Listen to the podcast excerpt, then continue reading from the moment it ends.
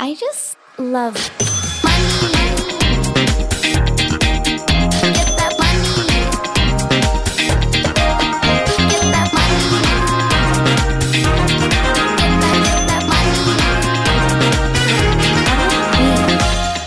God mandag og velkommen tilbake til en ny episode av Karrierekvinne podcast. Jeg håper dere blei inspirert av episoden til Donna forrige uke. Makan til hardtarbeidende dame, det der. Jeg blir i hvert fall superinspirert, og det er jo en grunn til at jeg starta for meg selv, og det kan jeg jo skylde Donna ganske mye for. I dag så er det en litt, en litt annerledes, jeg vil ikke si stemning i studio, for jeg har en helt fantastisk gjest her, men eh, en halvtime før jeg gikk inn i studio, så fikk jeg budskapet om at mormoren min har sovnet inn, og dere som følger meg, dere vet jo at det har vært en lang prosess. Og det er også grunnen til at jeg klarer å gå på jobb i dag, fordi det var forventa. Så hvis denne episoden her Hvis det skjer underveis at jeg ikke helt henger med, eller ja, ting ikke helt gir mening, så vet dere i hvert fall hvorfor. Vi snakka litt om det, jeg og gjesten min i stad, at det viktigste i jobbsammenheng og med vennskap og familie og ja, alle relasjoner, er å være ærlig, for da får man så mye mer forståelse. Og jeg er jo også en som ja, vil at eh, man skal ha litt mer åpenhet i samfunnet, så da vet dere i hvert fall hva ståa er. Men dagens gjest er en sprudlende fargeklatt som jeg føler at jeg kjenner fordi jeg har fulgt henne lenge på Instagram. Hun er gründer av sitt eget klesmerke Høst og Vår, og influenser, også for sitt eget merke. Og hun er mamma. Jeg snakker selvfølgelig om Elsa Fredrikke, så velkommen hit, Elsa. Jeg har skjønt nå at du Ja, bruker Elsa. Elsa. Tusen takk! Så hyggelig å være her. Veldig hyggelig å ha deg her. Jeg satt jo i stad når jeg kom ut av bilen og skulle bort på Jokeren og kjøpe en Red Bull, så ser jeg bare den fargeglatten sitter ute for Baker Hansen, så tenkte jeg der har vi Elsa. Ja, tilbake til deg, da. Ja, det er jo det morsomme. Vi har kledd oss helt likt. Herregud, det er jo kjempegøy, men det er jo Du er jo fargerik av natur, så det var jo ikke noe sjokk at du satt der med farger, men eh, ja. Jeg har blitt flinkere, og det er jo blant annet fordi jeg har deg i feeden min. Så bra. Blir inspirert til å eh, ja, rett og slett kjøpe litt mer farger. Herlig. Men kan du ikke fortelle de som lytter, enten de vet hvem du er eller ikke vet du er, hvem er, liksom, hvem er Elsa? Ja, jeg syns alltid det er så vanskelig å svare på. Men eh, jeg er 32, og jeg bor på Bryne utenfor Stavanger. Og jeg har blitt mamma. Harley er nå fem måneder. Det er så kult navn. Ja, jeg vet. Det er helt rått. Jeg elsker det. Syns det er veldig koselig. Um, ja, og jeg er designer. Uh, Starta med et eget brand. Uh, mitt eget brand for syv år siden, men vi tok en liten sånn uh, helomvending for to år siden. Bytta navn og rebranda oss sjøl. Og da ble det høst og vår. Hva er det dere het før? OOTD. Altså Outfit of the day, Mm, selvfølgelig. Det, ja, det var da, og det er jeg glad for at det ikke er nå. Stemmer det. Så vi gikk gjennom en Da hadde jeg glemt. Vel, ja, vi, vi, eh, vi rebranda og ble veldig bærekraftige, da. Ja. Eh, Så vi leverer jo veganske tekstil og sånn, så vi har veldig fokus på det, da. ja, da passer det kanskje litt dårlig å være outfit of the day, at man skal bytte klær hver dag. Ja, men sant, det var syv år siden. Det var sånn, Jeg måtte bare klappe i sammen noe, og så ble det det. Ja, Men det, det husker jeg skikkelig gøy, faktisk. Eh, Nei, husker jeg skikkelig gøy. Husker jeg skikkelig godt. At jeg bare sånn Outfit of the day, for det var jo en sånn når det var den store blogg-æraen, og alle hadde Outfit vet. of the day som Men overskrift. Vet du hva? Når jeg skulle finne det navnet, så var det sånn Ok, jeg går på Instagram, den mest brukte hashtaggen Oi. var OOTD. Så var det sånn Om, det var smart! Shit! Det var veldig lite smart, for det var ingen som fant taggen. Outfit så- of the day Norway. Ja, nei, det var helt umulig. Så jeg er veldig glad vi tok en liten sånn rebranding, da. Herregud, så smart. Mm. Men noe av det kule her er at du driver altså, Du driver det med moren din, eller er hun bare meddesigner? Nei, nei. Hvordan fungerer det her? Nei, vi driver jo sammen. Ja. Hun, altså, mor har jo vært designer i alle, alle år. Ja. Jeg vokste jo opp med hun. Så det, var, det har alltid ligget litt sånn i kort at jeg skulle, skulle være med, da. En Ja. eller annen gang. Men eh, det var først eh, for syv år siden. Det var da vi virkelig bare bretta opp armene. og Nå setter vi i gang. Men eh, jeg har jo, altså på det tidspunktet så designer jeg jo alt sjøl, eller ja, jeg hadde hun med på produksjon og sånn som det, men nå er det mye mer sånn, nå gjør vi absolutt alltid sammen. Jeg har jo sett på. Instagram Ja. når dere til og med sånne stories sammen. Dere er så sykt Å, det er så morsomt. Og da, på den storyen du nevner, der var jo jeg høygravid. Det var rett før fødsel. Og jeg var så lei. Det er den beste storyen på Instagram. plagte hun livet av meg. Har du lagt den i highlights? Nei, men jeg burde det må du faktisk gjøre. Sånn at lytterne nå neste uke kommer inn og kan se det. For det Jeg skal legge den ut på Det nytt. Det er hysterisk. Åh, det er så gøy, for mamma har også sånn, hun snakker om det hele tiden, at hun har så lyst til å lage klær, selge klær med meg. Jeg bare, jeg har ikke tid.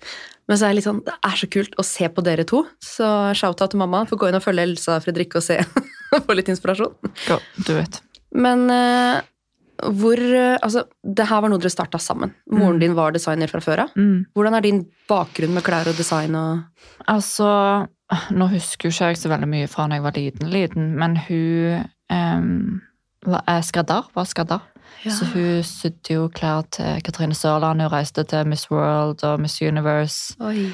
Så lagde veldig mange sånne fine kjoler.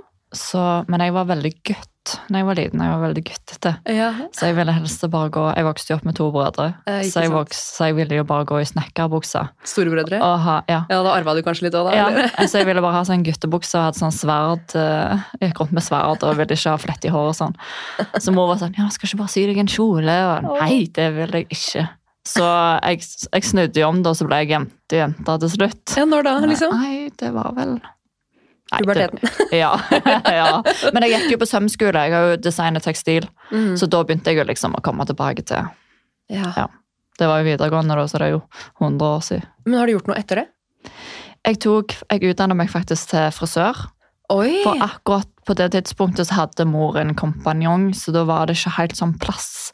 Vi Nei. visste ikke helt hva vi skulle gjøre med meg, da. Så da tok jeg bare frisør imens. Eh, Men så fort jeg hadde fått svenneprøve og fullført, så hoppet vi jo inn i, i sammen, da. Ja. Så det var, det var egentlig bare litt for å fylle et rom. Jeg måtte jo gjøre noe. Men herregud, uansett da, hvis moren din og denne partneren hun hadde da, hvis det hadde liksom blitt kjempestort, så hadde jo de på et eller annet tidspunkt trengt en design, altså, eller en Mm. stylist da. Ja. Kan, Men mor eh, drev litt annerledes på den tida. Da var det sånn hun hadde Det var mye skreddersøm. Ja, Mm, og så hadde hun sitt eget merke òg, som solgte dødsbra. ja. Så ja, vi har det liksom litt i blodet, da. Herregud, så gøy. Mm. Men eh, hvordan har liksom Vi har fått inn så mange spørsmål, eh, og jeg husker det i hodet, fordi jeg lurer jo veldig på det samme selv, og fordi jeg har stått i mye av samme situasjonen med den ene kleskolleksjonen som jeg har sluppet. Ja. Um, men det er jo veldig mange som lurer på hvordan det her fungerer, liksom fra Ikke engang fra idé til produkt, men hvordan man får ideen. altså Hvordan jobber du? Du har jo delt litt av det på Instagram også. Mm. Uh, det er også noe jeg håper du legger i highlights, eller har i highlights. ja, jeg vet. Det, Jeg er litt dårlig på det. ja, men altså, å bruke highlights er dødsviktig. Ja. Bare, for det blir jo borte etter 24 jeg timer, ikke sant? det, Ja, altså liksom, Av og til så må jeg bare hente det inn igjen. Å, Ja, husker ikke når jeg gjorde det? Men du kan jo hente tilbake arkiverte sant, stories. Bare ja. få det inn i highlights, for det er Det var bra tips, faktisk. Gjør det. Ja, jeg skal gjøre det. Jeg har screenshotta mange av dem sjøl. Ja. Hvor du henter inspirasjon. Og, ja. Ja. at du har, vært, du har vært publisert i den plattformen du bruker selv også. ja. og da fikk jeg jo helt sjokk. Du må må ta oss gjennom hele Ja. greia. Fra liksom du hvor, hvor ofte kommer en ny kolleksjon? Er det liksom spring, har- summer, fall, ja, vi har hatt to kolleksjoner i året. Det er spring summer, og så er det fall winter. Ja. Men eh, altså, det er to altså, Problemet, eller problemet, utfordringen er at vi kun de to sesongene. Så de kolleksjonene vi lanserer, er jo gigantiske. Ja. Sant? Det er jo et, et, altså En hel kolleksjon inneholder veldig mange forskjellige plagg. Mm. For du må liksom ha et visst utvalg. Det er sånn Hvis du lanserer to topper, for eksempel, så må du i minste fall ha en underdel. ja, ikke Og hvis du har eh, en blazer, for eksempel, så burde du ha en shorts eller bukse til. Ja, ja. Så det er liksom, du har veldig mange ting som du er nødt til på en måte tikke av. At det må jeg ha, det må jeg ha, og sånn. Mm. Men eh, vi gikk jo ut, og dette er faktisk ingen som vet. Oh. Eh, så det er første gang jeg jeg vet, det er faktisk ing- ingen som vet det utenom de nære. Men den dagen jeg skulle gå ut i mammapermisjon tre uker før, Ja. så hadde meg og mor bestemt oss for å nå i, i det minste legge vi det på pause, men vi var stilte spørsmål til om vi i det hele tatt skulle fortsette. For at jeg var så sliten. Jeg var helt utkjørt. For det er jo sånn, jeg har jo ingen som kunne overta når jeg gikk ut i permisjon Nei. altså sosiale medier og Mm. nettbutikk og alt sånn. Så da var det sånn, da husker jeg jeg sa til mor at nå er jeg ferdig. Nå klarer jeg ikke mer, for jeg, jeg var så sliten. Og så tenkte jeg sånn, permisjon, hva er permisjon når du driver for deg selv? Mm. Noen er nødt til å ta det videre. Så det, det er ikke så mange som vet det, men da var jeg egentlig helt ferdig. Da kjente jeg at nå er det dags. Men hvordan kom du over, eller har du kommet over den? Ja, heldigvis. Eh, vi har en fantastisk mann i styret vårt som uh, den dagen vi kom for å si liksom Nå orker i hvert fall ikke jeg mer. Så sa han sånn, ok. Og så satte han opp et sånn Vi hadde sånn whiteboard, Ja. og så gikk vi bare gjennom alle liksom Alle Utfordringer og oppgaver liksom ja, og liksom økonomien, og liksom bare plasserte ting rundt forbi. Og så sa han sånn, vi, vi gjør dette, vi fortsetter. Og så, så liksom, det burde vi selge for i desember og sånn som det. Og så sa han sånn, liksom rett før du går ut, kan du ta deg av og prøve å få liksom solgt litt i desember. ja. Jeg bare sånn, ja, fint, så kan jeg la ut. Og så var det sånn, jeg vet ikke, skal jeg si hvor mye vi solgte for, eller? ja. Blir det litt rart? Nei, nei, vi elsker tall. Ja. Eh, så kom vi nesten på over 800 000 på én måned. Og det er jo helt insane. Fantastisk! Nå får jeg gåsehud. jeg vet, det var Altså, hvis det stemmer, og det er jeg ganske sikker på det gjør, så var det sånn Hæ? Jeg forsto ingenting. For en motivasjon, da. Men da la jeg ut at eh, sånn som høst og vår, dere ser det i dag, det vil aldri komme tilbake. Og det står vi fortsatt for. Vi kommer ikke til å produsere sånne store kolleksjoner lenger. Så da gikk jeg jo ut med at vi skulle ta en pause, Mm, og at det var på en måte videre drift. Alt var stoppet opp. Men så er det sånn, har den, har den pausen skjedd? Nei. Nei. Altså, vi lanserer jo nye ting denne uka, liksom. Vi har sånn surprise-kolleksjon som kommer nå. Ja. Så, men vi står fortsatt på det, altså vi kommer ikke til å lansere sånn store, store kolleksjoner. Altså For det første så er det ikke lønnsomt i det Nei. hele tatt. Um, Altså, hvordan da? Liksom, jeg har jo bare lansert joggedresser. ja. Og det var ganske basic. Og det er liksom når du har, sånn som du hadde jo, var det en gjestekolleksjon? Ja. Ja. Det er jo mye lettere. For med Mm. en gang jeg òg selger noen sånn kampanjeting Vi hadde jo en sånn genser som vi lanserte med Mental Helse Norge, Ja, ja. eh, der overskuddet gikk til Mm. eh, den ene organisasjonen. Så da solgte vi det ut altså samme dagen, bare på noen timer. Alle forsvant. ja. Det er mye lettere å bygge opp på en måte en hype, Hype. rundt ett produkt, eller Mm. to eller tre eller fire, enn å lansere en kolleksjon med 60 plagg. Ja, herregud. For da får ikke alle klærne den oppmerksomheten som de trenger. Nei, nei. Så, så det er det vi har gjort nå, da jeg lanserer noen skikkelig cute ting. Allerede nå på fredag, faktisk. Wow. Altså, dere har jo så sykt mye fint, og nå som jeg endelig har blitt litt tøffere når det kommer til farger, Mm. så er jeg bare sånn Jeg skal shoppe. Mm. Jeg var jo, Når var det jeg var i Stavanger sist? Da hadde jeg jo så lyst til å dra innom eh. Dere hadde jo utsalg da Ja. også. Mm. Eh, og jeg, jeg fikk jo ikke tid. Jeg var bare så lei meg, for jeg er jo, jeg er jo aldri i Stavanger. Nei. Men eh, nei, jeg har så skikkelig lyst til å se det live. og bare... Dere har jo spesielt en genser. Hva heter den for noe? Falling Water eller noe sånt? Nei, en kolleksjon. Ja, renner, ja. Ja. Eh, fallende vann. Fallende vann, ja. Mm. Falling Water. Ja, Ja, men det var jo engelsk versjon av det. ja, ja. ja. Nei, den kolleksjonen er veldig fin. Kjempefin. Mm. Men så nå så skal dere fokusere på færre produkter, men blir det oftere enn to ganger i året? Ja, det vi tenker på er å lage mindre dropp, eller at vi har, har mer dropp med Ja. mindre liksom, volum, da. Mm. Så at vi ikke har ja, millioner eh, i verdi liggende Mm. i nettbutikken om gangen. Så det var jo det som var liksom, poenget med at vi skulle ta denne pausen. Det var å kvitte oss med mye varer, kvitte oss liksom og rydde opp. Rydde opp i kontrakter og samarbeid sånn vi har, og liksom bare skalere det helt ned. Mm. Sånn at når vi kommer tilbake igjen, så kan vi begynne på en måte Ikke begynne på ny, men at vi tar liksom For vi gikk ut til hele verden. sant? Vi skulle ta hele verden med storm. Ja. Um, og det har gått greit. Vi har veldig masse gode agentur i Los Angeles og i London og sånn. Så kult.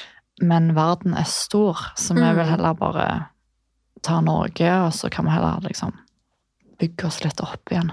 Det er sikkert veldig lur strategi, det du sier med å hype litt mer. Vet, ja. Men det som er så kult, er at selv om vi hyper noe, så er det jo like bra. Det er dødsbra. Mm. Så det, er liksom, det syns jeg er litt kjekt å ta med følgerne mine òg. Liksom at, eh, sånn som den mentale helsegenseren. Der eh, jeg liksom ut at nå skal jeg lage en genser, og her har jeg fire alternativ. Hva ville dere ha? Hva Ja, tekst vil dere ha? Eh, hva farge skal liksom trykket være foran og bak? Begge deler, hva farge? Og da følte jeg at de var med på prosessen, så når den endelig ble lansert, så ville jo folk ha den. Mm. Og det er liksom Ja, det er veldig smart, men det er veldig ekte måte å gjøre det på. Mm. Sant? De har jo fått lov å være med på noe som de faktisk har lyst til å eie. Jeg gjorde det samme sjøl, så jeg kjenner meg skikkelig igjen. sant? Det er Det er veldig lurt. Og veldig kjempelurt. kjekt å ha følgerne med på. Absolutt, ikke bare det, men en ting er liksom at du selger ut, men følgerne lærer jo mye av det også, kanskje. da, Sånn som du spesielt har jo delt uh, i hvert fall litt av det. Det er ikke alt jeg kanskje har fått med meg, derfor må du legge det i highlights. Ja.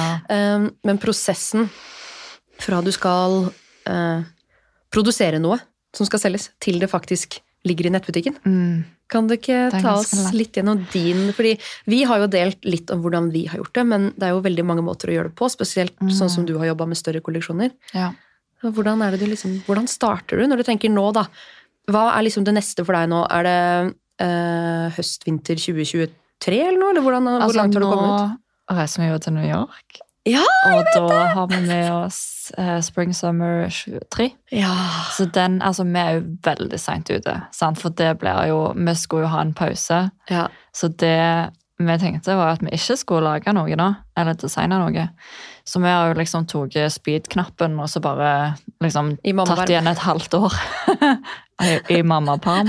sånn gåsetegn her. Mammaperm. Eh, Men vi jobber heldigvis godt under press. Altså, meg og mor jobber best under press. Mm. Altså, har altfor god tid, da er det sånn, vi kan begynne i morgen, vi kan ta litt nå da. Sånn som er sånn, når vi har to uker igjen, så er det sånn, da setter vi oss ned, og så bare får Ja. vi alt til på en dag omtrent. Ja, ja, ja. Så nei, normalt sett så ligger vi jo i hvert fall et år i forveien. ja. Sant? For vi er nødt til å ha produksjonstid på samples, Mm. og liksom få det inn i agentur, eller få det inn et halvt år før tida, for type sånn presse og sånn. Det ligger jo tre til fem måneder i forkant. Mm. Så det er veldig viktig å være på tida, da, eh, i form av sesongen. Så det, det som vi skulle lansert liksom i januar, februar, mars, så er Spring Summer, det har vi liksom designa for et år siden. Mm. Så var det jo over til det VGSN, da. Det, den plattformen vi bruker. Det er svindyrt, for det Hvor første. mye koster det?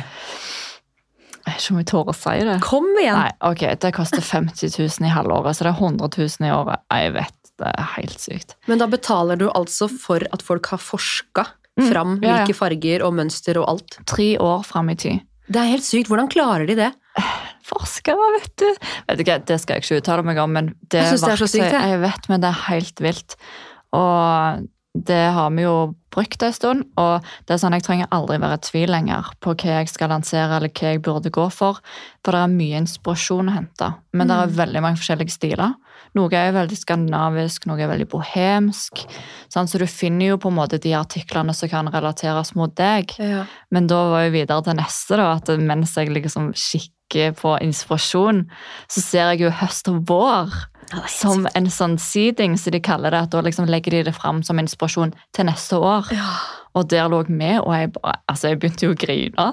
Jeg la det jo ut. Jeg ble helt sånn å, herregud, det liksom, dette her verktøyet har jeg brukt så lenge, og liksom beundra folk som ligger der inne, og funnet de på Instagram og sånn, og så ser jeg bare høst og i tillegg så ligger det liksom som forsidebilde. Altså, jeg blir rørt sjøl, for jeg kan bare se for meg den gründergleden Ja. som kanskje ofte ikke jeg vil ikke si at den ikke er der, men det er så vanskelig å feire de små tinga når man Ja. ikke har en sjef som klapper deg på skulderen Ja, og popper champagne. Og du liksom. blir ekstremt kritisk til deg sjøl. Altså, jeg er min verste fiende sjøl. Det er sånn det er litt sånn som story og highlights som vi snakket om. Jeg føler ikke at folk bryr seg. De gjør det. Så jeg tenker liksom, jeg Jo mer jeg legger ut, så tenker jeg sånn, folk bryr seg jo egentlig ikke. Hvorfor tror jeg at jeg er noe? Ja, det er det er ingen som bryr seg om du eh, vil legge ut sånn eller sånn. Det er den der imposter syndrome, den sliter jeg skikkelig med sjøl. For jeg føler liksom sånn, er det noen som bryr seg? Men så, folk gjør jo det. De vil jo bare se hva du gjør. Så jeg burde jo være liksom litt mer sånn, ha troa på meg sjøl, da, men jeg er veldig kritisk til meg sjøl. Ja, men er det jeg vet ikke, er, Har du vært det hele livet, eller er det noe som kommer når du liksom skal gjøre dine egne greier? Altså, Det heter jo imposter syndrome av en grunn. At du på en måte Du føler selv at du fremstår som mer enn du kanskje er. Nei, jeg, altså det er ikke plett at jeg føler det. Um, men av og til så blir jeg overraska når folk liksom kjenner til meg, eller liksom kan ting om meg sjøl som de faktisk har plukket opp på mine kanaler, så blir jeg helt sånn Oi, shit. Jeg på en måte, jeg gir et avtrykk, da, eller at, Mm. at jeg gjør noe for de, eller noe sånt, så, det, så blir jeg helt sånn Å, herregud. Jeg klarer ikke alltid forstå at folk handler mine klær, eller når jeg ser klærne mine rundt forbi, så tenker jeg sånn Å, Men det er så vanskelig fordi det er tall. Det er jo ikke, Du ser liksom kalorofilbildet eller noe sånt, men Mm, det er jo tall. ja, Du ser tall, du ser ordre tikker inn i nettbutikken, men det er jo noe med å se folk i ja. dine klær. Det er veldig spesielt. Og vi er jo så heldige, for jeg jobber jo med så mange fine folk. Mm. Så det er liksom å se klær på TV og rundt forbi, så blir jeg helt sånn åh. Det er sånn så har jeg så lyst til å feire, men så kommer den der igjen bare sånn åh, hvem bryr seg? Ja. Slapp av. Nei, sånn, vi har blitt litt flinkere i det i Equal. I begynnelsen så var vi veldig sånn Vi hadde en lansering eller et eller annet, og så bare tut-tut, toget går, liksom. Nå Mm. kjører vi på med neste prosjekt. Og så innså vi egentlig i høst liksom sånn Fader heller. Vi må ha lanseringsfester, vi må Mm. poppe champagnen, du må ut og spise middag. Vi Ja. må liksom For det er jo ingen andre som Altså, jeg har jo selvfølgelig kjæreste sånn Sånn som nå, da, i helga. Så nådde jeg et hårete mål. Og da kom jo han og liksom milepælmuffins, og han bakte meg da. Kjempesøtt, ikke sant? Men det så gøy. Ja.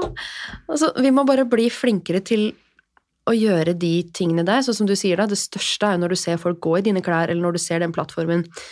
Eh, poste ting om ditt brand. Men vi trenger den derre den derre påfyllet av feiring litt oftere. Jeg vet ikke helt hvordan man liksom skal Jeg er veldig dårlig på det.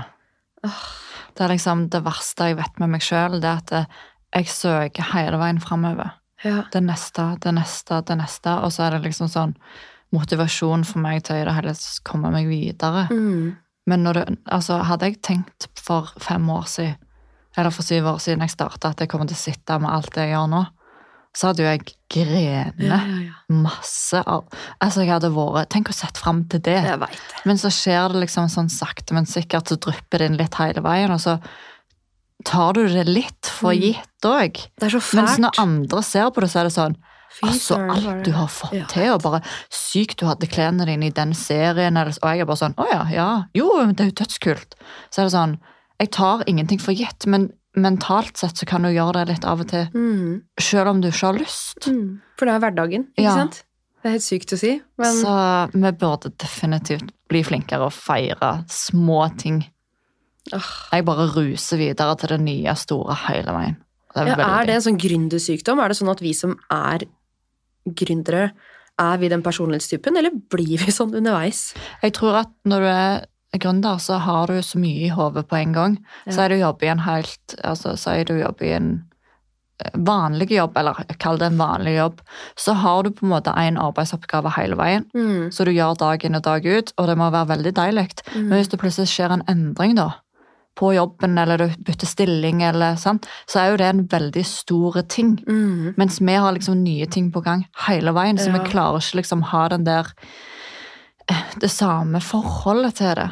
For at det er de som har holdt jeg på å si, den vanlige jobben der de gjør det samme hver dag, de merker veldig fort hvis det skjer en endring. Mm. Hos oss er det jo endring hver dag.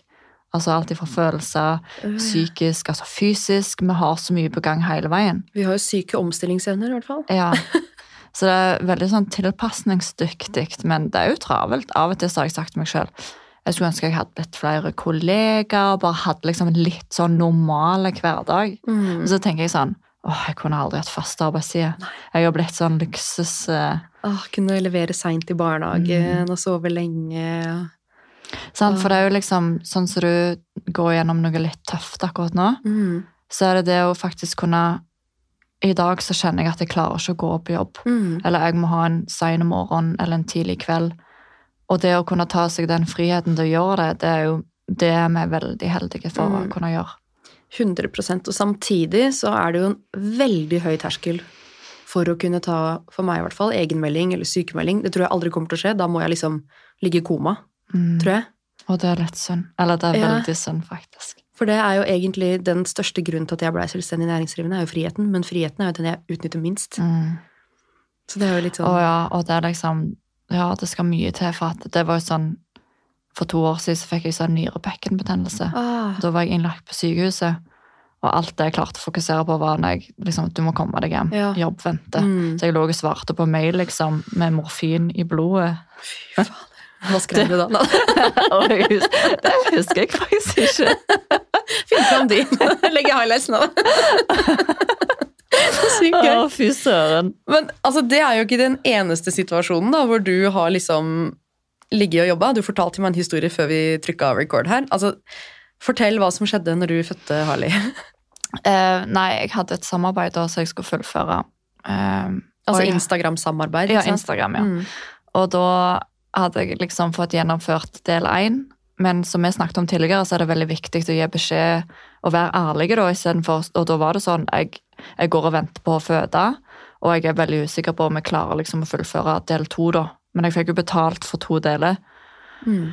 Og da var det sånn, åh, så jeg skrev bare til dem, jeg skal gjøre alt jeg kan, liksom, men nå har det liksom vært falsk alarm her, så jeg reiste liksom hjem igjen, og altså, når du er ni måneder gravid, jeg var i uke 40, liksom, da er du veldig, da er du lei.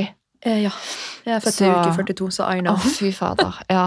Eh, og da var det sånn, jeg fikk akkurat tatt bildene samme dag, og jeg følte meg så jævlig, hvis det er lov å si. Samme dag som du fødte, liksom. Ja. Og da- Selvfølgelig er det lov å si at du følte deg jævlig. Du er ikke sexy eller fin. Nei, men det var liksom Og jeg var liksom Jeg var så tung, og jeg var så klar, så var det bare sånn Uansett hva jeg gjorde, så følte jeg meg bare helt ræva. Men jeg fikk nå i det minste tatt det, da, og så Jeg tror jeg posta den altså, jeg lå på barsel på dag to, eller noe sånt. Men da hadde jeg heldigvis alt klart, da. Det var bare å få det ut. Men du lå og tenkte på det i det hele tatt den fødedagen, liksom? Du Ja, for det er jo den samvittigheten. sant? Jeg får jo dårlig samvittighet for absolutt alt. For jeg vet at jeg kaster Det verste jeg vet, er når folk kaster vekk tida mi. ja. når folk på en måte misbruker mye tid. Det er det Mm. verste jeg vet. Så derfor er jeg så veldig obs på å ikke gjøre det mot andre. De betaler meg for at jeg skal gjøre en jobb, Mm. og de betaler meg for at de stoler på at jeg skal levere den jobben. Mm. Og så er det ikke alltid du klarer å gjøre det, for livet skjer. Men det vet jo annonsøren også. Men, Ja, men jeg eh, ble alltid møtt med forståelse. Jeg har aldri opplevd å på en måte blitt liksom avvist, da. mm, mm. For jeg har vært ærlig fra starten, og det tror jeg er så viktig. Mm. Bare si det som det er, istedenfor å finne på en sånn dum unnskyldning. Ja, for det er bedre å bli oppfatta som sårbar enn som vimsete. Ja, uprofesjonelle. Mm. Altså, Med en gang jeg tenker på sånn ikke fullført samarbeid eller ikke levert, så tenker jeg uprofesjonell. Mm. Altså, Klarer du ikke å fordele tida di eller et eller annet. Mm. Men hver gang det har skjedd med meg, så har jeg vært helt ærlig. Og bare, vet du hva, jeg har ingen unnskyldning utenom at det og det og det. Og da blir jeg alltid møtt med forståelse. Mm. Og det er jo ofte livets største unnskyldning, da. At du har mista noen, eller at du føder, eller Mm. altså Altså, ja. Så- Unnskyld, men jeg så på Real Housewife of Beverly Hills i går, liksom. Det er ikke trenger ikke være helt ærlig hvis det er det. Men Nei, jeg, var, eh, jeg var på fylla i går. så jeg, ja, er så fyllesyk. å, fy. Nei, men det opplevde jeg faktisk en gang. Jeg skulle ha sånn modelloppdrag. Som Eh, du, nei, du skulle modell. ha Ja. en modell? Ja. Og da em, Personen liksom Når jeg ikke var der, hadde liksom personen sagt at jeg, å, jeg var ute til tre i natt, liksom. Og så var det foran kamera, så var det så sløvt blikk og alt sånt som det der. Det var helt katastrofe. Så når vi var ferdig med shooten, da, så tok jeg kontakt liksom med um, Management. Ja, eller ja, agenturet, da. Byrået. ja. Og da sa jeg liksom Dette betaler ikke vi for. Nei, nei, nei. Og da slapp vi å betale. Selvfølgelig, det skulle jo bare mangle. Ja, ja, ja. Altså, det var helt krise.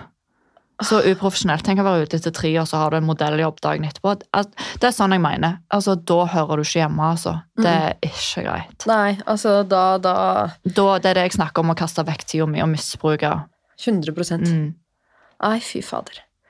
Det er, eh, det er mye rart man eh, kommer eh, over der ute. Men jeg har også dratt på fylla og lagt meg klokka tre og dratt på jobb dagen etter. Men da har det liksom vært sånn Da veit jeg at jeg har en stilling hvor jeg skal bare sitte helt stille og for eksempel, da altså, altså, Det er ingenting jeg skal Men du bidra med. jobber ikke for noen andre. Nei. Du skal ikke levere noe for noen andre. Mm -mm. Og da er det helt fint. Jeg har gjort det samme mange ganger. Ja, ja, ja. Men da på en måte stiller jeg kun ansvar til meg sjøl. Mm. Og hvis jeg får lite gjort den dagen, så er det ok. Synd Mm. for deg.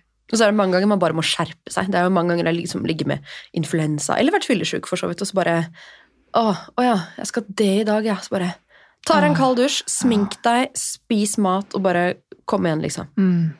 Og så er det lov, da, sånn som jeg som influenser, det er lov å si at man er litt sliten. Ja.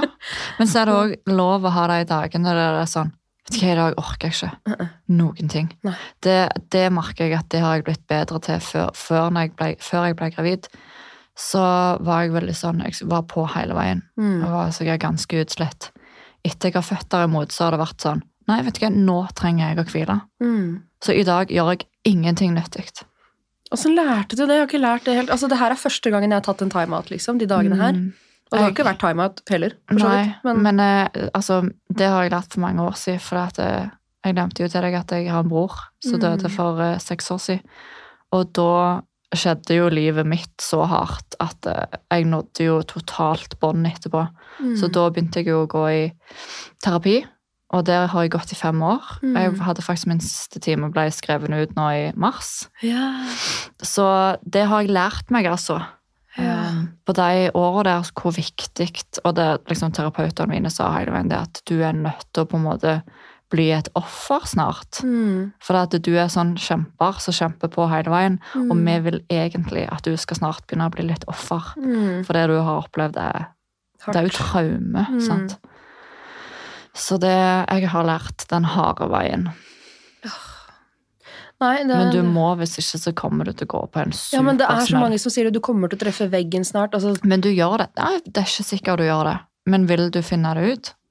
Nei, jeg vet ikke, men nå så, altså, Sånn som jeg blei utsatt for et seksuelt overgrep, og dattera mi blei brannskada på samme år. Og da var jeg bare sånn Hvis ikke jeg treffer veggen nå, Mm. når treffer jeg veggen da? Mm. Og fordi det skjedde, så har jeg på en måte Altså, jeg har lært meg selv at jeg kan bare tøffe på, for det går bra. Mm. Men det er jo som du sier, da, det kommer når du minst venter det. det Ja, liksom- for det kan ta år òg. Det er jo Mm. år Jeg vil jo si at du på en måte misbruker jo litt deg sjøl mm. når du ikke gjør, gjør det som du kanskje burde gjort. Så er det liksom misbruk av kroppen sin. Mm. Men eh, nei, Mishandle meg sjæl, liksom. Ja. Men jeg gikk jo, også, jeg gikk jo i terapi, da. Eh, Ja. og han var jo også veldig på det at liksom Ok, nå gikk jeg jo langt tilbake liksom, i historien med alt. da, Han bare sånn Du har opplevd sånn sjukt mye, så hva, hva, er, hva er du laga av? Jeg bare sånn Mm. Nei. Jeg tror du blir litt sånn når du er i sånn overlevelsesmodus. Ja. Det føler jeg jeg har vært i mange, mange år. Mm. Og da går det jo liksom Det er jo litt sånn autopilot inni bildet. Ja, sant. Men du var jo selvstendig næringsdrivende når det her skjedde? Mm. Ja. Og da skulle jeg liksom lansere nye kolleksjoner, og, og det vet hva, det angrer jeg på så mye den dag i dag, at jeg bare pløyde igjennom. Mm. For det viktigste for meg var at agenturet jeg var i, fikk kolleksjonene, og at butikkene vi hadde klærne våre i, var fornøyde. Og det var liksom alt jeg brydde meg om, da. Det var å levere. Mm. Og jeg er ennå jeg er skikkelig skuffa, og jeg er veldig sint på meg sjøl. For at, jeg tror det er derfor jeg møtte veggen, eller det, det gikk skikkelig nedover. Det var for at jeg, jeg tok ikke tid til å, å heale Mm. og bare være knust. Mm. Jeg ville bare pløye seg, igjennom. Mm. Ja. Så det, det, det, får jeg vondt i magen av å tenke på. Nei, altså, det, det skjønner jeg, men samtidig så er jeg sånn Det her skjedde jo i en periode hvor jeg skulle si opp jobben. Jeg måtte si opp den jobben, for jeg kunne ikke gå tilbake. Nei. Så jeg var på en måte midt mellom arbeidsledig og selvstendig næringsdrivende. Og jeg var bare sånn, hvis jeg legger meg ned nå et halvt år, da Snakkes. snakkes, liksom. Det var briste eller bære. Kan hende jeg en dag tenker tilbake og angrer på det, men foreløpig så er jeg litt sånn Jeg hadde ikke hatt det livet jeg har i dag. Den friheten, den muligheten til å være en så god mamma, så tilstedeværende mamma for Lea, hvis ikke jeg hadde gjort det jeg gjorde da. Mm. Hvis det gir mening. Det gir veldig mye mening. Og det er liksom Men- så klisjé som det er. At du lærer altså den veien du går. Sant? Du lærer jo hele veien. Mm. Og av og til så lærer vi litt feil ting. Vi trår litt feil. Men igjen, det er liksom alt leder til den du er i dag. Det er det jeg syns er veldig fascinerende. For uansett hvor skuffa jeg er over meg sjøl for valg jeg har tatt, så er jeg fortsatt den personen jeg er nå. Jeg er veldig fornøyd med den Mhm. personen. Så det er liksom, tenk at du trodde annerledes eller gjort sånn. Hvem hadde du vært i dag? Ja. Så jeg er veldig glad for at jeg ikke vet det. Ja. For jeg er liksom veldig fornøyd. ja, det er rart med det. Hvis man Mm. er det og bare tenker på alt som har skjedd som en Man kan ikke kalle det blessing heller, men det har jo Nei, forma for deg til mye er jo havne fælt på veien. Mm. Sant? Det er jo ingen som vil oppleve å miste noen. Mm, mm. Men det skjer dessverre. Mm. Herregud. Men litt tilbake til eh, det vi snakka om. For det første, du skal på New York Fashion Week. Mm. Så kult. Men du har gjort det før? Ja. Det var i 2019. Altså september 2019. Og så den Altså, dette her er så fucka. Den kolleksjonen vi viste på New York Fashion Week, den skulle lanseres mars 2020. Mm. Og vi vet vel alle hva som skjedde da. Oh. Så vi hadde jo et gigavolum og en kolleksjon på vei hjem um, som ikke kom før mai. For nå tenkte jeg at du kanskje rakk det, men det gjorde du ikke. Nei, vi rakk det ikke.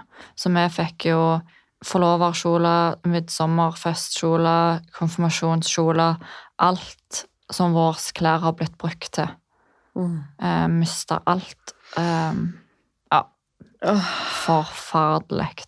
Sitter du med mye av det fortsatt, eller har Nei. du gått ut? Ja. Nei, for det er at vi er så heldige, for vi har klart å finne en oppkjøper i USA som oh. nettopp kjøpte 2500 plagg av oss. Å, herregud. Så det er jo liksom gåsehud. Å, så deilig. Jeg vet. Men New York Fashion Week, det er så gøy å sitte her med noen som har vært på New York Fashion Week, fordi det er jo ingen jeg kjenner som har gjort det. Nei. Jeg har jo også gått der, men som modell, da. Men ja, har du? ja, tre Oi. ganger! Shit! Ja! Så kult. Så jeg har gått tre show der, og det er jo liksom eh, Nei, dritkult. Jeg var jo der egentlig i regi av en norsk designer, Kipasa. Um, oh, ja. og så i modellbransjen så er jeg pluss size, for jeg er størrelse 40-42. ja. Uh, og når jeg var der, så var det liksom, da ble jeg casta til andre show, da, fordi de bare Å, jeg vil også ha Ja, pluss size fokus, liksom. Så det var jo kjempekult. Ja. Men det er jo, det er jo så kult Ja, å være der nede. Det er helt magisk. Jeg vet. Når jeg var der sist, så var det sånn Jeg vet når jeg kommer hjem nå, så kommer jeg til å være så deppa. Og da når jeg kom hjem da, så var det bare sånn Jeg savner New York så Ja. ekstremt mye. Altså, det livet jeg levde der, det var liksom livets liv. Men du skal nå i september. Ja, Ja, det er det beste showet. jeg vet. Jeg har vært der i februar, og New York i februar er Ja, ikke nei, gøy. ass. vi fikk tilbud. Altså, vi skulle egentlig tilbake i februar, Ja. Eller februar året etterpå, men det ble jo aldri sånn pga. korona. Nei, nei. Men jeg tror nok vi hadde takka nei uansett, for det er i september i New York. Det, Det er det er fortsatt varmt. Det er beste måneden. Vet. Ikke for varmt. Turer i Central Park. Ingen, det, er, det er liksom ikke så fullt av de derre altså, Hvis man kan kalle det kjipe turistene. Det er liksom moteturistene som er der. De Det er liksom den beste måneden. altså. Når vi gikk rundt der, så var det liksom sånn fashionister overalt, Mm. og bare hele viben. Bare gå på gata og se alle Jeg vet. Og bare, de, Det var så mange kule jenter der. Mm. Jeg ble så inspirert. Bare går rundt og tar bilder av folk Ja. til inspirasjon. Liksom. Ja, folk blir tatt bilder av. ja. ja. liksom, Det showet vi hadde da, det var jo bra, men det showet som blir i år, det ble jo helt sykt. Fy fader, er så gøy. Å, fy fader. Tenk at det skal være på World Trade Center Ja, det i er så 67. etasje. Altså, det er så sykt. Altså, det er så stor pågang for folk som vil komme og se på showet og være en del av showet, at de har sagt nei. De er nødt til å begynne å stenge dørene. Og kan du tenke deg den pressen vi får? Åh, Nei, det er så gøy. det blir helt sykt. Fordi sånn som det fungerer for de som kanskje sitter og lytter da, og har et eget klesmerke, um, det er jo det at man blir kontakta, og så kjøper man seg jo inn. Ja, ja det, Det er jo mange mange som tenker at det er gratis. Nei, nei, nei, det er veldig dyrt, faktisk. Hvor mye koster det nå i forhold til hva det kosta når jeg var der i 2017? Altså, det showet vi skal delta på, um, og da er du inkludert Altså, vi er jo en del av et show, Mm. sant? Uh, og da får vi modeller, vi får makeup og alt sånt som der, og plass og bilder og sånn. Um, og det betaler vi 90 000 for. Ja. For ti looks. Vi kan jo ha opptil 15, 20, 30, men da er det sånn. Mm. Det er dyrt. Men vi trenger ikke mer enn ti. Sist gang så hadde vi bare fem. ja, ikke sant. Eh, Og da var det jo billigere, altså. Men eh, nei, det koster. Men fy søren, vi kommer til å få mye igjen for det, da. Ja, ja, Så det er jo verdt, verdt investeringen. Ah, New York Fashion Week. Hvordan blir man oppdaga? Er det noen spesielle hashtags? Er det noen spesielle folk du skal følge? Slide inn til DM? Altså, er det noe for norske Ja. motedesignere, da? Altså, Altså, vi er heldige, for vi har hatt et nettverk. nettverk er gull. Nettverk er absolutt alt. Eh, Så vi blei Vi blei eh, Altså, vi fikk eh, kontrakt med, med et agentur, eller hun er en sånn kreativ leder som driver for seg sjøl. Hun heter Angela, hun bor i Sveits. Mm. Og det var igjen hun som satte oss i kontakt med Where the Future, som er et eh, agentur i Los Angeles. Og det var Annabelle i Los Angeles som ble kontakta av Arthur fra New York. Ja. Og så ville han ha oss inn, og så ja, altså, Verden er utrolig liten, Mm. sånn egentlig. Du sier jo det det liksom seks steg til liksom, den største kjendisen du vet om. Jeg vet. Så det var liksom Nei, hun Annabelle i Los Angeles hun er helt syk, altså. Altså, Vi har hatt klær på Grammys. Det er helt sykt. Ja, jeg vet. Men ja, det var Angela, Angela Annabelle og Annabelle Arthur, så var du i New York. Mm. Så Men nettverk, ikke bare sosiale medier og hashtags. Og Nei, nettverk. men uten sosiale medier så hadde vi heller aldri fått Angela. Nei. Jeg husker faktisk ikke helt hvor det var, men jeg tror at vi headhunta. Da kan du betale en person for å finne rett person til bedriften. Så vi betalte én for å finne andre agenturer for oss. Og da fant han Angela, og så åpna Angela døra. Så vi betalte i utgangspunktet ja, ja. for å finne én. ja, men det er sånn det fungerer. Hvis Ja. du skal ha noe i Kina også, du betaler jo en agent for å finne fabrikker og altså Ja. alt. Mm. Så alt Men, eh, starter jo sånn, da. Så vi fant én som fant én som fant én, og så var det New York. Herregud. Men når dere starta det firmaet her nå, for nå har jeg skjønt Dere har jo brukt litt penger på selvfølgelig investeringer i fysiske Mm. produkter, men også i software, programmer, sånne ting. eh, I mennesker, nettverk. Ja. Hva, altså, hva gikk dere inn med når dere starta det firmaet? Hva var kapitalen på? Tok dere liksom lån i noen Nei, bank? det gjorde vi ikke. Altså, mor har jo hatt uh, et brand som gjorde det veldig bra. Mm. Altså, hun solgte for mange millioner. Men det er lenge siden, da. Men uh, jeg er Vet vi hvilket brand det er? er det Nei, det heter Gunstil, men det er liksom 10-15 år siden, kanskje. Ja. Men uansett så er jeg veldig heldig, for mor og far hadde økonomi til å sette meg i gang, sette Mm. oss i gang. Og den økonomien har vært til god hjelp helt fram til nå. Mm.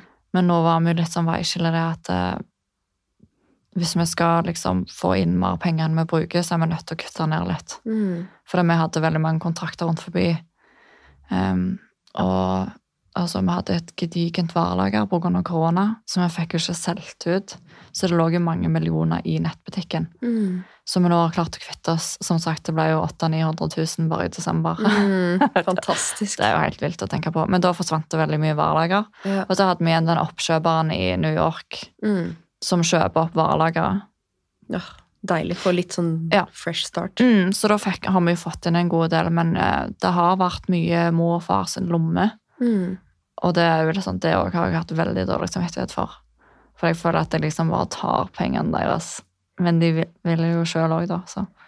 Ja, men altså, ja, moren din er jo med på det, da. Og en dag så skal man jo arve det uansett. Det er bedre kanskje å skape en legacy, da, som dine Ja. barn kanskje kan arve igjen, eller jeg vet ikke. Ja, nei, det er vanskelig, altså. Men, men eh, vi, ja, vi har hatt, eh, hatt et bra år, altså. Mm. Kvitt oss med mye. Og... Så det er nå vi tenker at New York blir en sånn deilig start. Mm. Det er litt sånn ny eh, inspirasjon. Ja, det hørtes ut som du trenger, med tanke på hvor du var for ikke så lenge siden. Tenkte, å fy søren, det har jeg ikke sagt høyt.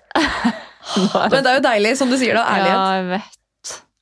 Kanskje du hadde solgt var- enda mer hvis du bare Nå tror jeg jeg legger det. Ja, men jeg, altså, jeg tror, jeg husker jeg rett så ga jeg uttrykk for at akkurat nå så ser vi ingen annen løsning enn å ta en pause. Mm. Og da gikk jeg jo ut med at vi tar pause på ubestemt tid. Ja, det husker jeg. Um, så Herregud. Men så er det sånn, jeg tenker tilbake òg Akkurat der og da så var, hadde jeg det så oppi halsen, jeg var så fed up at jeg tenkte med meg sjøl jeg vil bare være en normal person med en normal jobb. Mm. Der og da så føltes det helt nydelig ut. Men nå er det sånn Hva i all verden skulle jeg gjort? Jeg vet ikke hva jeg ville jobbet med. Hadde jeg fått en grei jobb? Hadde jeg fått en jobb med det som jeg interesserer meg for? Mm. Så jeg er veldig glad for at han fantastiske mannen i styret vårt uh, Han så vel kanskje litt hva dere trengte, og bare uh. Ja, men han, altså, folk har jo veldig trua på oss, og de er veldig glad i høst og vår. De aller Mm. fleste er glad i høst og vår. Så det hadde jo vært veldig synd hvis vi bare Ja. heiv inn håndkleet. Kunne jo solgt det, da, men det er jo veldig kjipt å se noen andre ta Nei, din er Da, jeg hadde faktisk heller lagt det ned enn å selge det til noen andre. Altså, da hadde hjertet mitt vært knust. barn, liksom. Ja. Ja. Jeg hadde, da hadde, nei, det hadde jeg aldri klart. Mm -mm. Men eh, vi må jo liksom, før vi runder av her, ta, som du sa, da, prosessen. Hvordan eh, du kommer til dette fysiske produktet. Det vet jeg jo mange lurer på. Mm. Ja, det var, det var jeg jo inne på at vi ligger ett år i forveien. Så da går jeg jo inn på VGSN, der vi ble shouta out. Ja. Um, og der kan jeg tilbringe mange timer. Altså, der bare pløyer jeg igjennom. For de har jo på sånn bildefeed, de har alle de nyeste runway-bildene. Altså, de har altså, en bildebank der på over 30 000 bilder. Og det er de som liksom får deg inn først fra alle show og alle kampanjer og sånn. Så du kan jo bare du kan bla deg gjennom absolutt alt. Mm. Eh, Så jeg bruker mye tid der først, og så begynner vi jo bare å plukke ut ifra der liksom, den inspirasjonen vi har fått. Så begynner vi jo å danne dette bildet hvordan vi vil ligge sjøl. Så da designer vi, og vi tegner, mor tegner, og så begynner vi å tenke prototyper. Så det vi ser vi tegner det sjøl, Mm. og så sender vi det videre til um, Vi har produksjon i Istanbul, i Tyrkia. Mm. Så da sender vi det videre til de, og så begynner de å lage prototyper. Så vi sender liksom videre tegninger med mål, og de ser jo hvordan shapen er, og så begynner de å utvikle, altså mønsterkonstruktørene begynner å utvikle mønstere da. Hvordan fant dere fabrikk? Det, ja, jeg tror det var, vi begynte jo med alltid produsert i Istanbul, Ja. i alle år. Mm. Og så har det egentlig bare, igjen der nettverk, så har det bare utviklet seg med den ene med den andre. Mm. Men det er veldig viktig for oss å ha en eh, bra produksjon da. Mm. Så akkurat nå så produserer vi på en eh, produksjon da, som har godkjent standard og sånn, sånn at vi kan prøve, prøve å ha kontroll på Mm. hvem som lager. Så igjen, det, det er jo bare via, via, via. Og de Mm. vi har, for det, vi har vært innom veldig mange dårlige produsenter. Yes. Å fy søren, vi har fått så mye, altså, De vareprøvene er så mye psyko som dukker opp i posten. ja, men bare ikke vareprøver. Altså ferdig produsert. Ja, ja. Vi har fått så mye klær i retur, eller ikke i nettbutikken, for det, da hadde vi allerede gode standard. Ja. Men før det, når vi sendte ut klær til butikk og sånn, så fikk vi det ofte tilbake igjen. Eller ofte. Det skjedde at det kom tilbake, for at altså her hadde de glemt å liksom legge i et ekstra legg, eller noe som gjorde at folk ikke fikk det over hodet. Og vi bare sånn, når vi godkjenner noen prøver som vi sender tilbake i retur, Ja. eller som regel så vi det, reiser vi jo ned og prøver å godkjenne alt mens vi er der, men av korona så har vi ikke gjort det. Mm. Så nå har vi bare godkjent alt hjemmefra og sendt det tilbake i retur. Så når vi godkjenner en sample, da, og de produserer det, og de fortsatt gjør feil, Jeg så nekter de jo å ta Jeg skyldfare. veit det! Har du noen gang fått igjennom? Ja. Ja, Mm. for det er, vi er i en sånn situasjon nå, skjønner du. Nei. Jo, jo. Åh, vi har fått igjennom. For vi, altså vi dokumenterer absolutt alt. Så når vi får den prøven til oss, og vi prøver, så skriver vi direkte på prøvene, så vi fester på sånne lapper Mm. med sikkerhetsnål, som vi bare liksom klyper på alle punktene der ting skal justeres, og så tar vi bilde av det. Jo, men selv når det da er feil Kleskolleksjonen min, ikke sant? Mm. Den ble utsolgt, så bestilte vi påfyll. Den kom i en annen farge, Nei, uff. og de har ikke tatt noe skyld for det. Nada. Men Og det var jo altså, i hva Kiev, da, svarer de så da? nå- Altså, hva er unnskyldningen? Altså, hvorfor? Nei, du kan Hva få 20% på neste kolleksjon. Ja, det har vi opplevd mange sånn, ganger. men det blir jo ikke noen neste kolleksjon, for det første fordi det er i Kiev. Mm. Dessverre. Kanskje når de er oppe og går igjen. Eh, Men nå er det jo ikke noe produksjon. Men man har jo ikke lyst til å inngå et samarbeid igjen med noen som har gjort en såpass alvorlig feil. Mm. Men det er litt derfor Ja. vi òg har hoppet litt sånn fram og tilbake. Men de sa liksom på grunn av covid, for det første. Jeg bare, men man blir jo ikke fargeblind av covid. altså, er sånn, du har jo nettopp laga kolleksjon, du vet jo hvilket stoff du har brukt. Men det verste av alt er at vi er jo så satt inn i dette her, vi vet jo hvilket rotterace de òg ofte har med deres overleverandører, for eksempel, Mm. som leverer tekstilen. For de lager det jo garantert ikke sjøl. Nei, nei, hun måtte jo ut og shoppe disse rullene. Jeg Men vet. det var jo liksom Når vi skulle ha påfyll, så lovte hun det kommer innen fire uker. Det kom innen tre måneder. Og når det først kommer, så er det feil. Ja, Det burde jo ikke vært mulig, men det var liksom nei, det er covid og én meters avstand, vi er så få på jobb.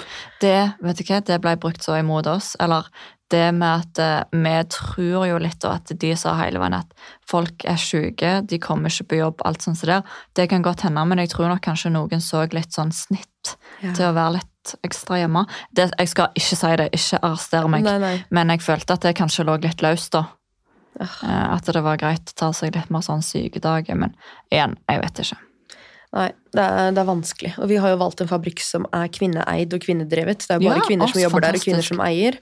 Um, og de som jobber der, er jo medeiere, så jeg Mm. så liksom ikke Du fikk litt sånn sjokk. Ja, det var ikke noen grunn til at de liksom De må jo også være stolt av sin egen fabrikk, for det er jo de som eier den, de som jobber der.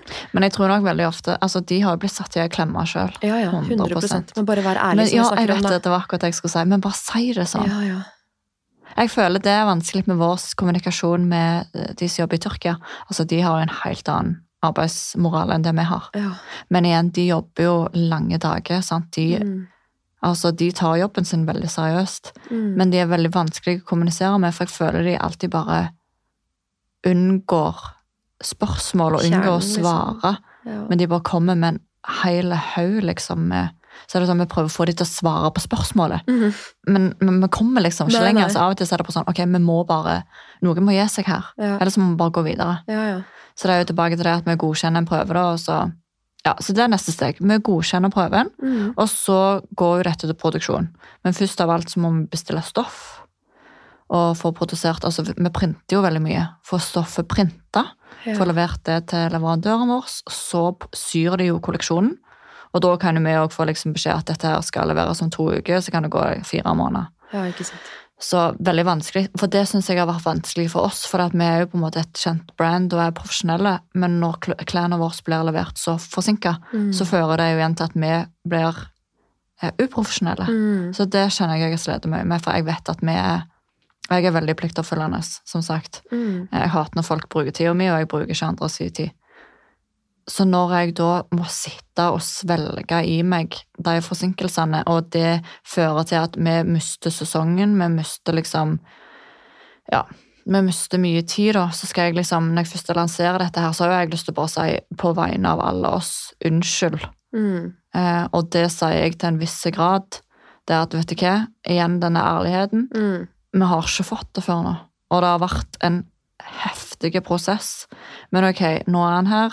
La oss Mm. make the most of it. Vet du hva jeg gjorde når folk fikk Altså, folk fikk jo bukser i beige og topper i brun, skjønner du? Oh.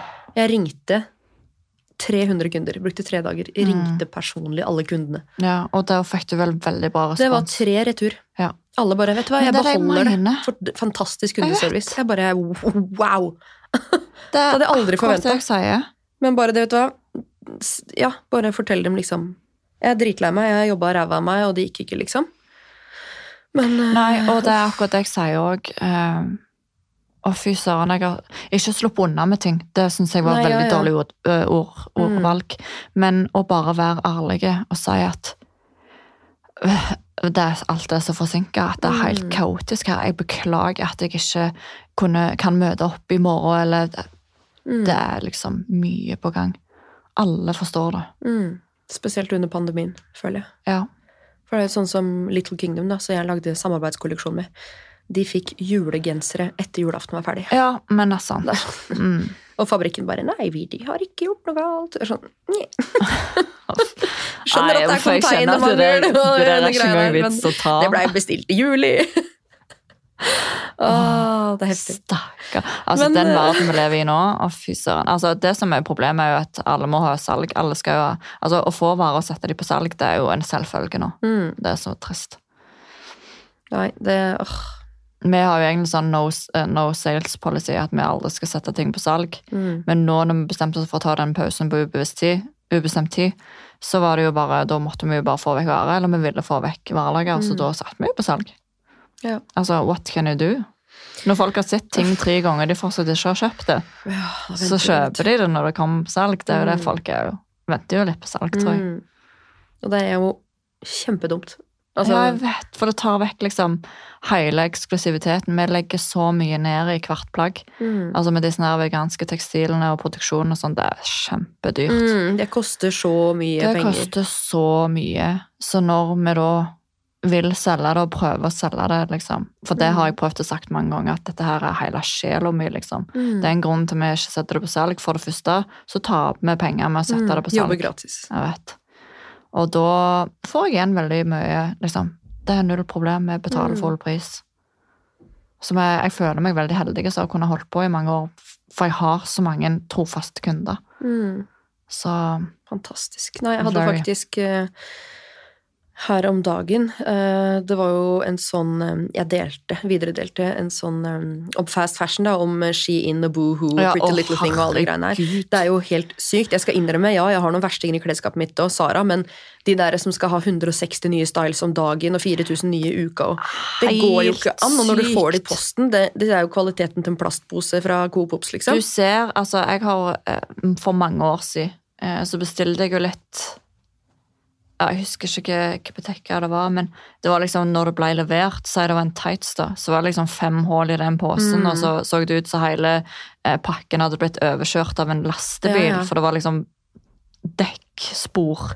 Fy faen, det er helt sykt! Og så sender de det til Norge, og så betaler du ikke engang frakk. Nei, jeg vet det. Nei, jeg fatter ikke hvordan det er mulig. Jeg tenker bare på de stakkars barna som sitter der og syr. Og... Jeg hørte jo også en historie om at eh, en av de brandsa her, da, så hadde de liksom stoppet 'help' inni plagga med Ja, tusj. ja, jeg vet det. Jeg fikk akkurat det med meg. Og det er liksom Det er akkurat derfor vi er veldig opptatt av Vi pleier jo som regel å være i Istanbul og liksom besøke Mm. produksjonen og ha veldig sånn tett dialog med, Mm. med de. Ja, Eh, For jeg kunne aldri tenkt meg å støtte opp i Nei, men da delte jo jeg, ikke sant? Jeg delte jo det her, og så hadde jeg en sånn liten Kan ikke akkurat kalle det undersøkelse, men du vet sånn svar ja eller nei. Sånn. mm. Eh, Så sånn, er du villig til å bruke 2000 kroner på ett plagg? Og sånn over 70% sa nei. Mm, jeg vet. Og Så jeg bare, men det er det det koster. Altså joggedressen min kosta for to, altså bukse og genser, utpris nesten 2000 kroner. Og nå skal jeg også si noe som jeg aldri har sagt før. Vi gikk i minus på kleskolleksjon. ja. Ikke bare det at vi hadde tjent lite, men vi gikk i minus. Mm. Og det var jo personlig investering, det var jo sparekontoen. Og det er dritkjipt, spesielt når folk kommer etterpå og sier at det her var altfor dyrt. Det er sånn, Hvis du skal ha det cruelty-free, vegansk, miljøvennlig, men ja. etisk Det er liksom Den bølga har jeg òg ridd på. mm. Men det er liksom Av og til så er du nødt til å være litt sånn Jeg er jo veldig sånn naiv av natur. Mm. Men av og til så er jeg nødt til å være litt sånn kyniske. Til syvende og sist så er det veldig mye som ligger i prisen. Mm. Og det Jeg hater at jeg sier det. Men du kan kjempe så mye du vil for miljø, Mm. men folk ser på pris. Yes. Og det stikker så langt Mm. inn i hjertet. Det er grusomt. Og så kan man tenke, ja, men da er det ikke målgruppen, da. Men den målgruppen er så liten. Ja, og så har du de som genuint bryr seg, Mm. og de betaler full pris. Og jeg har hatt mange. Mm. Igjen, dette her er ikke et stikk. Jeg har Altså, vi har kunnet holdt på med dette her, Mm. og det har vært for fantastiske kunder. Men jeg har òg drevet med litt undersøkelser for å teste liksom markedet. Og jeg er ganske sikker på at hadde vi hatt litt billigere priser, så hadde vi solgt mye mer. Mm. Det er jo ingen tvil. Så da må man liksom kanskje bytte fabrikk da, til noen som ikke har det bra på jobb. Er det verdt det? Ja, eller veldig, veldig sånn billige polyestertekstiler. Ja, ja. Men uh, å, vet du hva, jeg føler jeg er sånn dratt i to retninger hele veien. For Mm. at det, Ja, det er liksom Det er ikke ofte jeg kjøper en kjole til 2800 kroner som er fra noen andre. Mm. Og så på samme tid så skal jeg på en måte forvente at folk gjør det med mine klær. Mm. Og det gjør jo folk, men, eh, men jeg får veldig ofte høre det at å, søren, jeg skulle ønske det var litt billigere. Mm. Jeg har ikke råd. Og da blir jeg sånn åh, jeg skulle òg ønske det. Mm. Men det er så dyrt for oss å produsere um, med de tekstilene vi har, og produksjonen og frakt. Altså, jeg tror ikke folk er klar over hvor mange kostnader vi er nødt til å bake inn i den prisen. Det er så sykt. Altså, bare bare- toll og moms og ja, frakt. og, ja, og- nå altså, Den er jo tredobbel Ja, ja. nå. Eh, altså, veldig mange leverandører har jo sett sitt snitt på å øke prisene noe veldig under Mm. korona. Eh, for de vet at folk er nødt til å frakte ting, og det er forsinkelser der og der. Jo kortere ting du vil ha, eh, jo kortere tid du vil ha det levert på, jo dyrere er det. Sant? Mm. En lastebil er jo annerledes enn et fly. Mm. Ingenting er bra, men hjem må det. Mm. Sant? Så Nei, å fy søren. Det sånn, det var en grunn til at jeg ville genuint liksom legge ned. Altså, nå orker jeg ikke mer. For det er bare alt det vi snakker om nå, kjenner jeg at det, Vi må bare håpe at det er i endring. At om Ja. 40 år er det bedre, men da er vi pensjonister. Ja, da er vi gamle. Men ok, ja, bare for å wrap it up. Du eh, får samples, du godkjenner samples. Ting kommer hjem. Ja. Så da er det jo, da godkjenner vi samples, og så, altså da kan de lage et på en måte lignende stoff da. Og så godkjenner vi den, sender tilbake, og så får vi et nytt sett. Og da har de produsert liksom prototypene i rett stoff Mm. og rett farge, så vi faktisk får se det. Akkurat sånn det blir. Ja. Mm. Og da sender vi den og godkjenner den. Og så, bare, så begynner de å produsere det, og stoffet blir levert. Og så er det egentlig bare å vente på at det skal bli ferdig. Men vi prøver jo å holde oss liksom til datoer og ha liksom ei viss tidsramme. Mm. Men det ble jeg har aldri, aldri opplevd at det faktisk blir. Levert på tida. Det har aldri skjedd at det kom før tida. Nei, men, Men altså, tre sånn- måneder etter, det har vi gjort. Ikke sett lanseringsdato før tingene er på lager. Det har jeg gjort Altså, ja. to ganger nå. Det gjør jeg aldri igjen. Nei, ikke jeg heller. For det det, du ødelegger bare for deg sjøl, og det har jeg lært at det er jo sånn, Nå lanserer jeg jo en kolleksjon, og nå, nå har jeg jo faktisk lansert den før denne episoden kom ut, så nå er det jo ikke noe sånn surprise lenger. Men det òg føler jeg at eh, den skulle jo kommet i mai. Ja. Hvilken dato er det i dag? 10. juni, eller noe? Mm. Ja. Nei. Så lesson learned. Det, altså, du lærer jo hele veien. Takk Gud for det Det er det som er fordelen. Dessverre, noen ganger så er jeg sånn der Hvor mye må jeg lære? Ja, jeg er ikke utlært snart. Ja, det er sånn Jeg så en sånn morsom dårlig Selena Gomez som hadde en sånn Jeg trenger ikke å lære mer nå, personligheten min er allerede formet. Altså, Nå føler jeg meg så heile. Jeg føler meg liksom i sånn zen-balanse. Mm. Så det sånn, Nå vil jeg egentlig bare at det fortsetter sånn. Ja.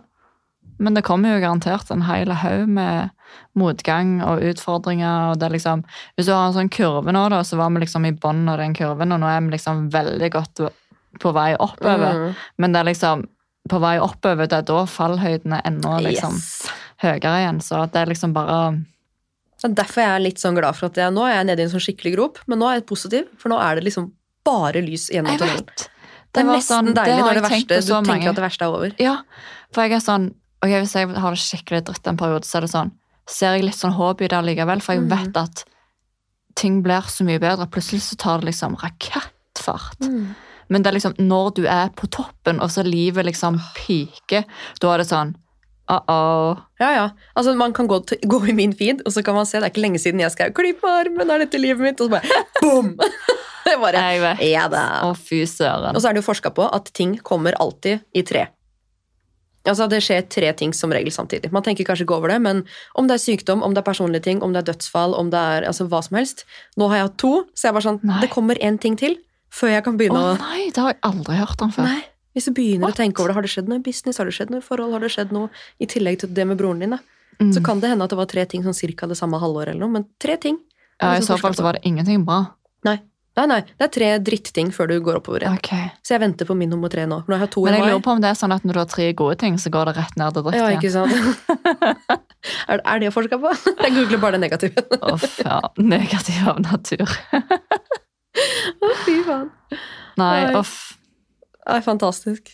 Men uh, du har jo nå uh, Ja, du får ting hjem, og da er det bare å kickstarte. Da, er det da du setter en lanseringsplan, eller har du den klar? Når jeg liksom? vet at jeg er på vei hjem. Ja. For da, når det først er på vei, da er det ikke så mye som kan gå galt. Ja. Med mindre da- det sitter fast i tolv av en eller annen grunn. Ja, men har det skjedd. har vi ikke opplevd noe særlig. Nei, det rakk vi på den ene kolleksjonen. Ja, Men det har vi selvfølgelig opplevd når vi skal ha en fotoshoot. Da er det veldig typisk at det skal stå fast, og så er det jo helt krise eh, rett før. Bare Photoshoppe på plagget. Altså, hva gjør man da? ja, vi har måttet vært kreative. Nei, men eh, nei, da kommer det jo hjem. Når jeg vet det er på vei hjem, så er det å få satt en lanseringsdato. Og det jeg elsker å gjøre, det er å begynne i forkant. Og bare liksom Du, altså, nå er det bare strap on, for nå kommer det så mye kult. Og da begynner jeg liksom å legge litt sånn sneak peek-bilde og liksom lage litt sånn avstemninger. Er du liksom klar og bare liksom bygge det opp? Ja, For det, når jeg gjør det og lanserer det, så går det alltid med et smell, liksom. Mm. Det blir så mye ordre. Og det er så gøy, det er igjen der jeg er så utrolig takknemlig for kundene mine og følgerne mine. Altså, jeg sier det så ofte. Altså, uten, uten dere så hadde det ikke vært noe meg. Mm -mm. Og det vil jeg at alle skal vite og ta til seg. 100% For det er 100% sant. Det er så sykt å tenke på at livet ligger i andres hender. Jeg vet, og det gjør meg frysninger. Mm. plutselig så Nei, det har jeg tenkt på mange ganger. sånn, Plutselig så kan jeg gjøre et eller annet dumt og bli cancelled, og så har jeg ikke noe business. Jeg vet det. Det var liksom videre til det jeg skulle si etterpå. Hvis du er en på en måte shitty person og har en dårlig personlighet og en veldig sånn dårlig attitude, Mm. så forstår jeg veldig godt hvorfor de blir cancela. Altså, hvis jeg hadde møtt noen min vei som var sånn så jeg ville sponse med klær Mm. eller et eller annet sånn som det, jeg hadde, de hadde aldri fått klær igjen. Altså, jeg har hatt my share eh, av folk eh, i Norge, eh, kjente, som uh, Spill the tea. Nei da. Eh, nei, det skal jeg faktisk uh, ikke gjøre. da er jeg uprofesjonell. Men de har aldri fått klær igjen. Nei. Og når det skal være sagt, jeg har sendt klær som jeg òg aldri har sett igjen. De har liksom tatt det, fått det, brukt det. Men, Aldri tagga eller lagt ut. eller Nei. noen. Og det skjer ennå. Men nå har jeg lært meg å liksom Ok, det ligger hos de. Mm. Det, jeg har ikke gjort noe galt. Nå er det de som Samvittighet. Men det er dårlig gjort. Men altså, som du sier da, har du en skittig personlighet, er du en dritt, så går det bare en viss tid før folk får vite at du er Ja. en dritt. Du klarer ikke å skjule det resten av livet, liksom. Nei, men da, altså, du, du graver jo din egen grav. Det er Mm. sånn, jeg tenker alltid sånn, det er veldig viktig å være høflige, respektere tida til folk, Mm. og respektere at folk har satt av tid til deg, og Mm. faktisk vil treffe deg, og, og bli kjent med deg. Mm. Og da må du ta, ta det i full respekt. Mm. Så 100 mm, det er viktig å være en bra person. Og ærlig, Mm. for da vil folk ha deg tilbake. Ærlig, ydmyk, sårbar. Mm. Vis respekt. Det er sånn, Jeg er veldig sånn ærlig og sårbare og ekte sjøl. At jeg har merket at nå, jo eldre jeg blir, så går jeg veldig dårlig i sammen med folk som ikke er det. Ja, det har jeg merka Som siste ikke, året, faktisk. Ja, jeg òg. Folk som bare kjører på, som Jeg vet. Så det er nå i det siste jeg merker at jeg har trekk, ikke trukket meg vekk, men, men jeg kjenner bare at jeg, jeg, jeg trekkes mot de som er ærlige og åpne, som jeg faktisk kan snakke med livet om, mm, og ikke bare Det overfladiske. Ja, for det kjenner jeg åh, det har ikke jeg tid til. Nei. Helt seriøst. Mm. Det orker jeg ikke. Altså, Jeg vil ha gode samtaler, jeg vet, ja. og jeg blir så sliten av det. Ja, ja, ja. Selvfølgelig det er kjekt å, å liksom influense, her. Ja, ja. men, er eh, det. men det, jeg blir så sliten av å ikke snakke om følelser. Det skulle trodd at det var omvendt. Ja, ja, at du men- blir tappa. Nei, Av du liksom- må tømme deg. Jeg får Ja. sånn Å, herregud, så negativ du er. Det kommer til å påvirke businessen din. Ja, du ja, okay. jeg bare. Vet du hva, jeg har en skitt i dag, og det er lov. Jeg kommer ikke til å stå her og sminke meg late som at alt er tipp topp når jeg har det dritt innvendig, liksom. Og det er liksom, så er det vel sånn, ja, men bare, du trenger ikke poste det, bare sånn, ha en dårlig dag alene, så er det sånn, nei, Kanskje noen andre har en dårlig dag. Det er fint å se at andre også liksom Det er jo det fineste i hele verden. Ja. Det er å se den ekte personen. Altså, det er faktisk det fineste. Mm. 100 Ja. Så det inspirerer meg veldig. Mer som med deg, Mm. og flere som er som meg sjøl. mm. Jeg syns vi skal klappe oss sjøl på skulderen. Vi skal være skikkelig stolte av oss sjøl. ja, For det for det er koster jo ikke litt å dele òg. Nei, Nei. nei, er du gæren? Mm. Du får mye rart i retur. Kvinneguiden, det er veldig hyggelig. Jodel. hyggelige folk. Å, vet du ikke, det er Altså, så you can't morsomt. win. Nei. Er du perfekt, så er du for perfekt. Er du åpen og sårbar, og sånn, så er det bare negativitet og dritt. Jeg leste en kommentar av meg selv på Kvinneguiden her om dagen at jeg så ut som en hva var det, russisk prostituert. Bare, men det er Men en fordel, for de er er kjempepene. De er kjempepene, og de, kan, de fleste kan jo velge hvem de vil ligge med, og de tjener dritbra penger, så jeg tar De det er som De en kompliment. luksusprostituert. Ser ut som en luksusprostituert. Som aldri gidder å sminke seg. Du er dødspen. Ja. Slapp av. Nei, men jeg er bare sånn der, Det er så gøy å se hva folk går inn der. Så, Jeg er jo heldigvis, jeg på jeg er jo ikke på en måte noen kjent person. Nei, men har du noen gang googla deg sjøl? Nei, jeg har ikke, men jeg tror helt ærlig ikke Det, at det det trodde ikke jeg heller før venninnene mine og kollegaene mine bare eh. Så Her har jeg noe juice. Jeg bare ikke fortell. Jeg vil ikke. jeg vil ikke Folk sender screenshot. Nei, nei. nei, nei. Mm. Men ja. Nei, jeg tenker vi skal gi oss på det positive, ikke på Kvinneguiden, men øh, holdt jeg på å si, jeg hørte på en episode på vei inn her med Råning med Tone med Mayo. Og han bare den derre oh, Livet er et lære. Du, meg og samboeren min så denne sesongen, og vi har ledd. Altså, vi kan et par dags dato si det. Ja, og til bare sånn, sånn random Det er så bra. Det er dritkult. Altså, jeg elsker det. Jeg føler at det rapper opp liksom avslutninga på episoden her, eller hele episoden. bare sånn Livet er et lære, du skal alltid lære. Ja, og det var så morsomt. Han var jo helt seriøs òg. Ja, det er så fint. Ja, jeg elsker det. Men uh, Elsa, tusen takk for at du kom og gjesta Karrierekvinner. Det var veldig hyggelig å ha deg her og se deg in real life. Ja, det er rosa jente i dag. Veldig kjekt å være her. Kjempehyggelig. Og til dere som lytter, gå inn og følg Elsa Fredrikke på Instagram. Og sjekk ut høst og vår, og spesielt nå som det har kommet en surprise-kolleksjon. Så får dere gå inn, følge meg, Benikte Haugareno og Equal Agency, og så snakkes vi neste mandag. Ha det bra! Ha det! I just love